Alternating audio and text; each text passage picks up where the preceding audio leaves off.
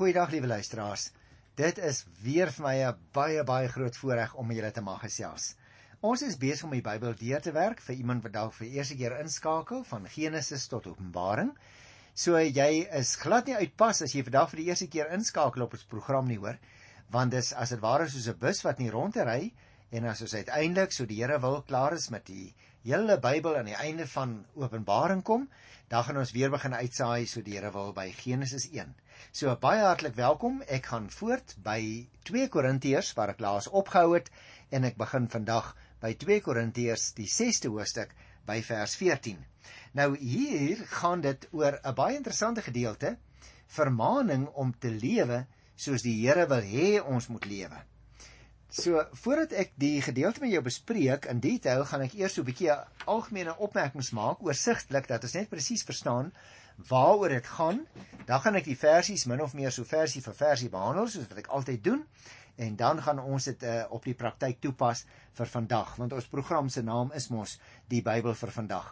Jy sien liewe luisteraar, hierdie gedeelte word deur baie eksegete beskou as 'n invoeging wat dan nie van Paulus sou kom nie omdat dit so word die argument gevoer met die onverwagte vermaaning teen heidense invloede kom en dit kan eintlik nie verband hou en pas met die voorafgaande nie. Ook omdat dit 'n tipies Joods apokaliptiese karakter sou hê. Nou, aangesien 10 van die 19 reëls in hierdie oorspronklike teks wat ek vandag gaan behandel, bestaan uit aanhalinge uit die Ou Testament, terwyl die res verskillende uitdrukkings en gedagtes bevat wat hierdie en ander briewe van Paulus voorkom, kan die gedagte dat ons hier met 'n vreemde inlassing te doen het nie regtig bewys word en toegegee word nie want ons moet onthou luisteraars Paulus was 'n baie hoog opgeleide Joodse teoloog. Hy het die Ou Testament van daardie tyd baie baie goed geken. En daarom is dit niks vreemds wat 'n mens hier vind nie. Naamlik dat hier ook aanhalinge is uit die Ou Testament en uh, dat 'n mens dus dit baie goed aan Paulus se hand kan toeskryf. Die vraag sou ek wel wou sê. Die vraag is hoe hierdie paragraaf spesifiek by die verband van die boek inpas. Die rede is naamlik dat die vorige gedeelte ten doel gehad het om aan te toon dat Paulus hulle as God se medewerkers onder sy opdrag staan en daarom in die werk volhard. Volhard met oorredingswerk en ook met die vermaaning van die gemeente wat nie altyd binne die riglyne van die woord geloop het nie.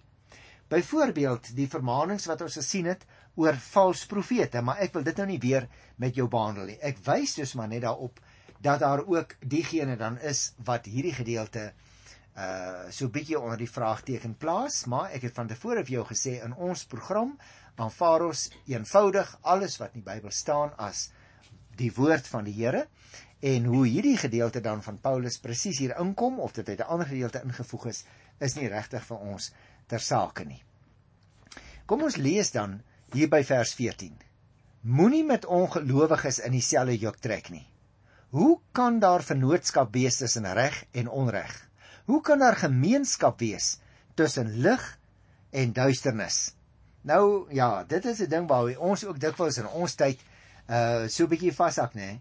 Die wêreld van God, luisteraar, en die wêreld van die bose het met mekaar niks in gemeen nie. Daarom kan die gelowiges wat tot God se wêreld en die ongelowiges wat tot die wêreld van die bose behoort, nie dieselfde soort lewe lei nie. Die twee kan eenvoudig nie in dieselfde juk trek nie, soos ons hier lees. Die gelowige moet dus nie die soort lewe lei wat die ongelowiges kenmerk nie. Die gemeente as volk van God is die tempel van God.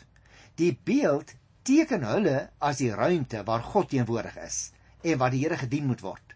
En in hierdie tempel van God is daar tog geen plek vir die dien van afgode of van die bose nie. So laat ek ook hier van vers 15 af lees. Hoe kan daar eensstemmigheid wees tussen Christus en Belial? Hoe kan 'n gelowige dieselfde belange hê as 'n ongelowige? Hoe kan 'n ooreenkoms tot stand kom tussen die tempel van God en afgode? Ons is immers die tempel van die lewende God. So jy sien liewe luisteraar, Paulus maak hier 'n baie sterk argument uit en sê die twee wêrelde staan eintlik radikaal teenoor mekaar.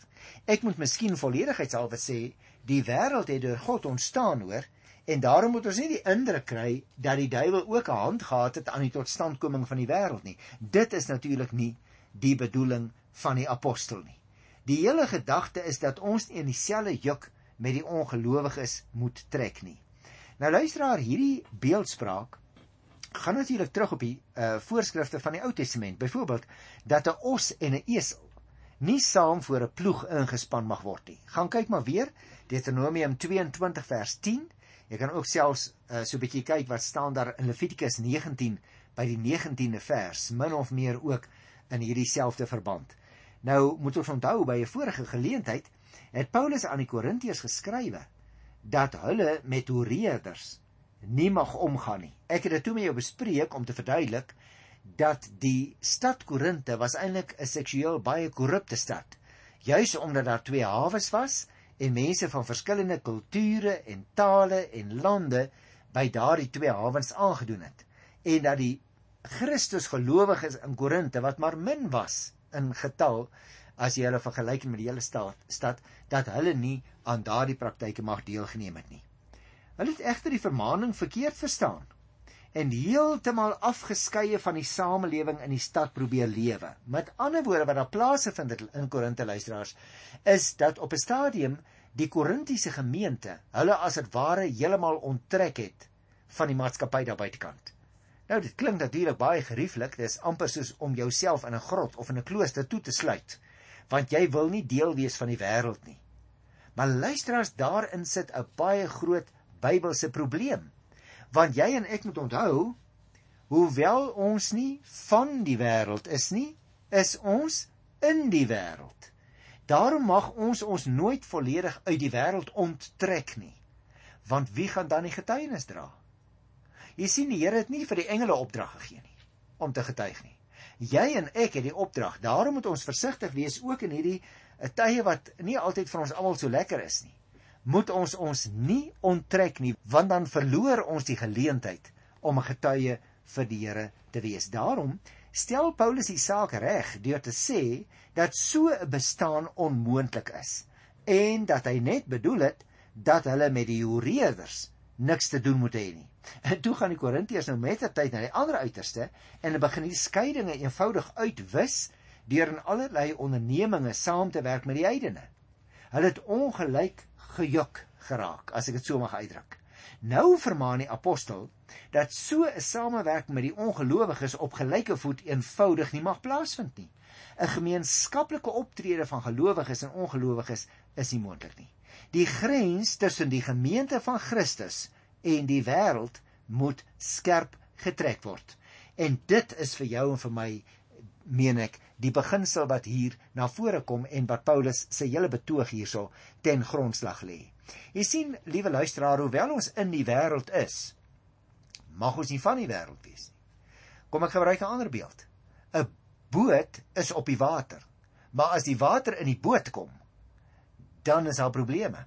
En dit is presies wat in die kerk sou gebeur. Indien die wêreld inkom in die kerk met al sy praktyke, al sy style, dan moet ons weet dan het ons moeilikheid. Dan is daar as ek vir, dit so mag uitdruk vir die Here nie meer plek nie. Nou is ek bang vir die uitdrukking want ons moet tog nie die indruk kry dat die Here in 'n gebou woon nie. Die Here woon in mense. 1 Korintiërs 3:16. Het julle nie geweet nie dat julle liggaam die tempel is van die Heilige Gees en het julle nie geweet nie dat die Gees van God in julle woon. Daarom lyk dit vir my, veral as 'n mens weer kyk na vers 15, dat die apostel in hierdie stadium nou nie meer beeldspraak gebruik nie, maar hy verwys na die allergrootste werklike teestelling wat bestaan, naamlik die teenstelling tussen Christus en Belial.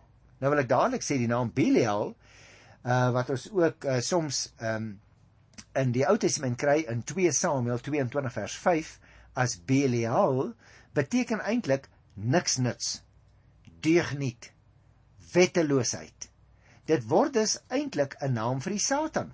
En in daardie betekenis vind ons dit alleen hier in die Nuwe Testament. Omdat dit ook die wetteloosheid aandui, word dit verbind in 2 Tessalonisense 2 vers 3 met die anti-kris. die wettelose een. Hy kan dus die Satan self wees of die handlanger van die Satan of 'n navolger van die Satan. In elk geval is hy die vors van hierdie wêreld wat hom stel teenoor die hoof van die koninkryk van God, die vors van die duisternis teenoor die vors van die lig. Dit is waaroor dit hier in hierdie gedeelte gaan. En tussen hulle kan daar geen ooreenstemming wees nie.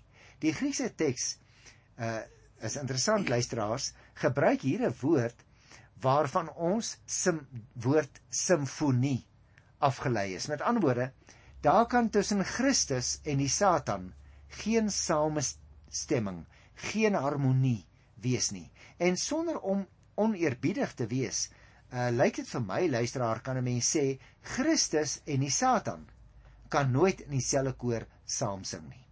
Dis waarop dit neerkom.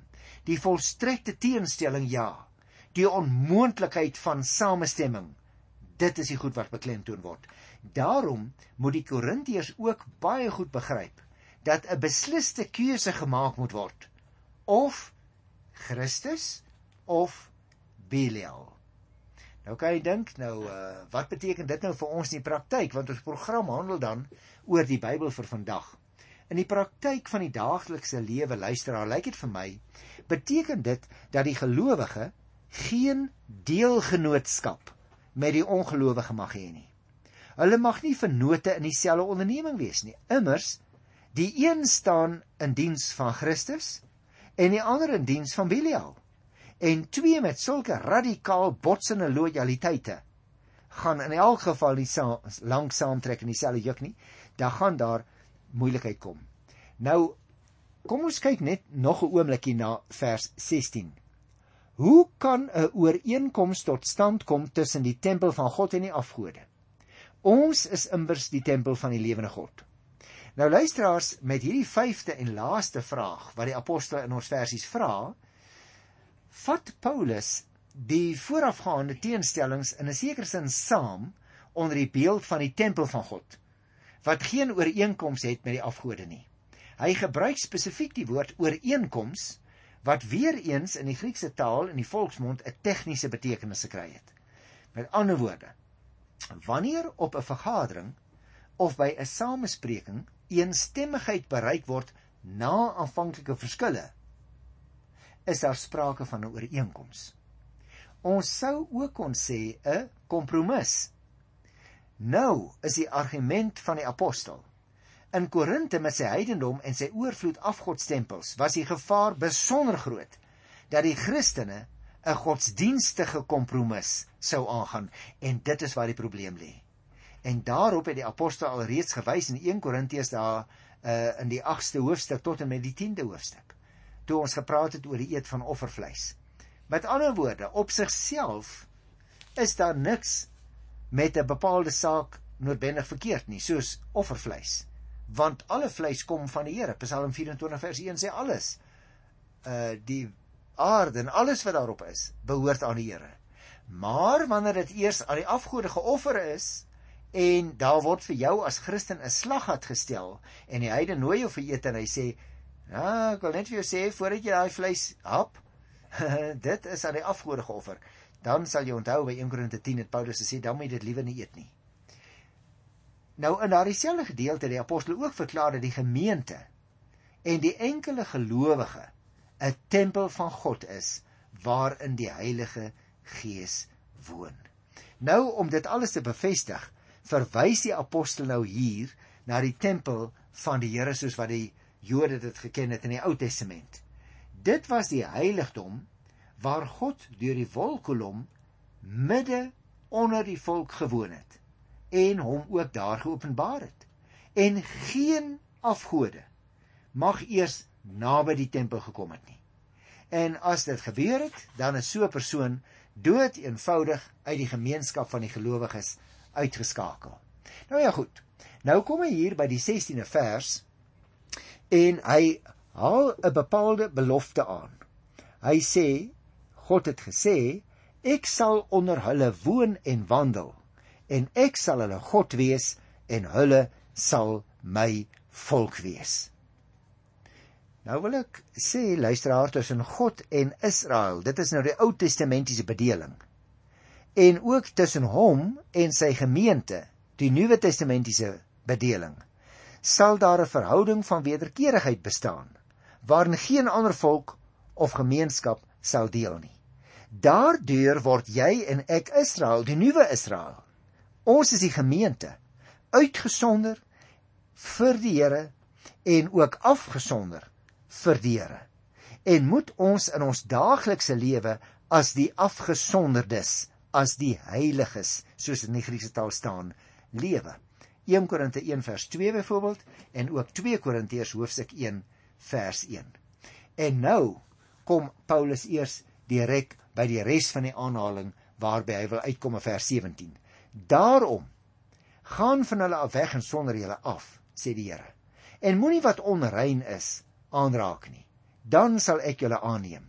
En ek sal vir julle 'n vader wees en julle sal vir my seuns en dogters wees. Geliefdes, hierdie beloftes is ook vir ons. Laat ons ons dan reinig van alles wat liggaam en gees verontreinig en ons in gehoorsaamheid aan God volkome aan hom toewy. En dit lyk dus vir my die kruks van die saak. Met ander woorde, waaroor dit eintlik te gaan. Wat jy sien luisteraar, hierdie eerste vers in Hosea 7 om jouself te reinig. Dit behels eintlik twee dinge, naamlik om jou weg te keer van die sonde af en tweedens om jou te keer, om jou te draai in die rigting van God. En daarom moet ons ook volgens die voorafgaande verbondsbeloftes lewe soos God dit vereis van ons.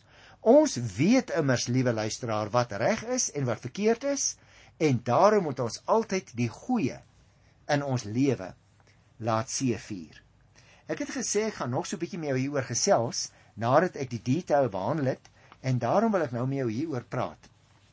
Kom ek begin so. 'n Bekende teoloog vertel my nou eendag dat hy op 'n stadium 'n vliegtyg daar in Durban moes haal. En toe hy nou so deur die gebou stap, moes hy tussen berge pornografie deurloop op daai spesifieke dag. Nou kom dit via die hawe in Durban uit Engeland in Amerika. 'n Stroom vuil pornografie is besig om ons land in 'n verstommende tempo in te vloei, luisteraars. En nou kom die vraag na vore. Hoe hou 'n Christen hom rein in 'n oseaan van soveel seks en soveel pornografie? Watter wapens is daar wat vir jou en vir my beskerm? Want die staat slaag nie altyd meer daarin nie. Maar wag, jy moenie dink dat die woord van God onreinheid afperk tot seksuele losbandigheid nie. Dit sou verskraling wees, luisteraar.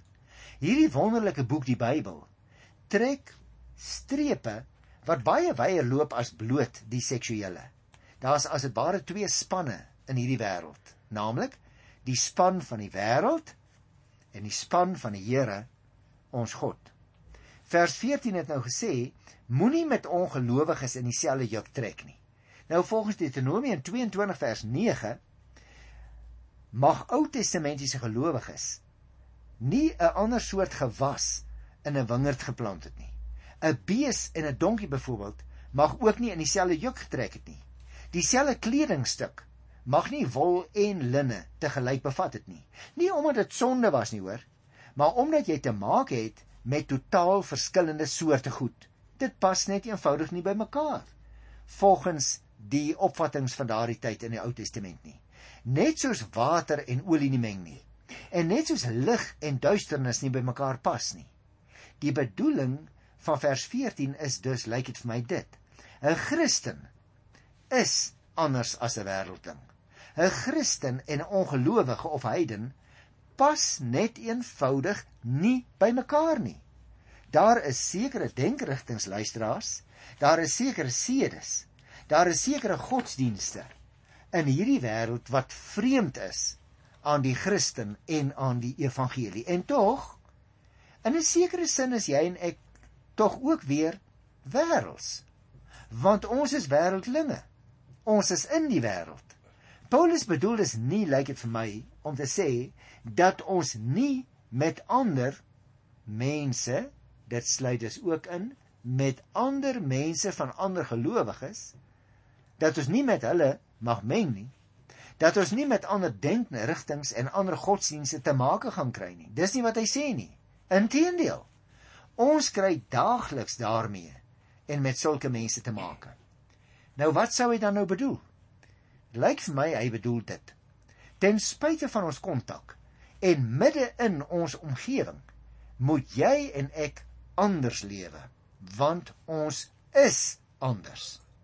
Hierdie gedeelte van vandag, liewe luisteraar, bedoel dus nie om te sê ons mag nie met en langs sulke mense woon en werk nie. Die Bybel bedoel juis om te sê terwyl aangesien julle inderdaad langs ander mense woon en werk, moet julle anders wees, moet julle anders lewe as hulle. Onthou, die man van Nasaret het immers gesê dat ons lig moet wees in die wêreld van duisternis. Dat ons ons getuienis moet laat klink teenoor alle mense dat hy, die Here, ons self so skape onder die wolwe instuur. Die verskil is dus duidelik. Dit gaan oor geloof en ongeloof en ons kan nie daarin 'n kompromis aangaan as Christen nie. Die verskil dus, liewe luisteraars, tussen die tempel van God en die tempels van die afgode word dan ook duidelik uitgespel. Daar in vers 16 soos ek net nou vir jou uitgewys het. Luister. Daar is net mooi geen raakpunte tussen die tempel in die Ou Testament en die tempel van die afgode nie. En ons as Christene is die tempel van die lewende God. Sy Gees woon in ons. Ag, hoe vereer die Here ons tog om dit aan ons te doen nie waar nie. Hoeveel vertroue stel die Here tog in jou en in my? Mag jy dus by 'n besigheid werk waar die baas 'n heiden is? Wil jy my dalk vra? Ja, dit lyk my jy mag. Uit wat Paulus hier sê. Meer nog, jy mag nie alleen daar werk nie, jy moet daar werk as die Here jou daar plaas. Want jy's daar, moet jy jou getuienis laat klink. Jy verstaan luisteraar, dit gaan is hier oor die verhouding tussen kerk en wêreld, tussen geloof en ongeloof. Die kerk en die gelowige is in die wêreld, maar nie van die wêreld. Die gelowige nie. As Christene het julle en ek 'n eie gedragskode, 'n eie manier van optrede, 'n unieke getuienis te midde van 'n krom en 'n verdraaide geslag. Maar luister, daar kom 'n tyd dat jy en ek soms in groot gevaar mag beland. Tye wanneer ons besef hierdie ouens, hierdie denkerigtings, hierdie lewenswyses is besig om my in te sluk. En dan sê die apostel vers 17, gaan van hulle af weg en sonder julle af, sê die Here. En daarom is dit presies hier, luisteraar, wat jy en ek ons hoed dalk in ons hand moet sit. Kom ek vra jou. Jy en ek is veronderstel om ons getuienis te laat klink daar waar ons woon en werk, onder andere.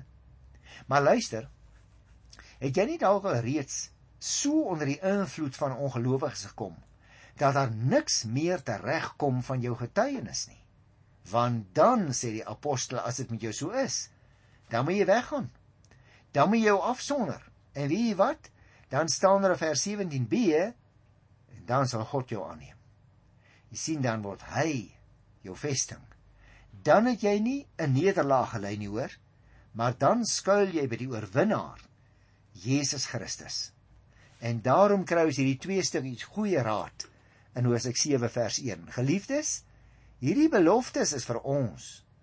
Laat ons ons dan reinig van alles wat liggaam en gees verontreinig en tweedens laat ons ons in gehoorsaamheid aan God volkome aan hom toewy. Mag ek saamvat? Nommer 1 aan die negatiewe kant ons moet ons wegkeer van die sonde af. En positief tweedens aan die ander kant ons moet ons volkome aan God toewy. Luister. Jy het waarskynlik al reeds lank al tot bekering gekom, maar mag ek jou vra? Het jy jouself al werklik volkome aan God toegewy? Op so 'n manier aan hom toegewy dat mense dit daar waar jy woon en werk agterkom. Hierdie ou hierdie meisie, hierdie man of hierdie vrou behoort werklik aan die Here. En daarom het jy en ek in die lig van die Here se woord vandag weer eens die geleentheid om te sê Here, hier is ek. Ek wy my volkome aan U toe. Die een lewe wat ek het, lewe ek vir U. Luisteraar, ek groet jou tot volgende keer in die wonderlike naam van ons Here. Tot dan. Totsiens.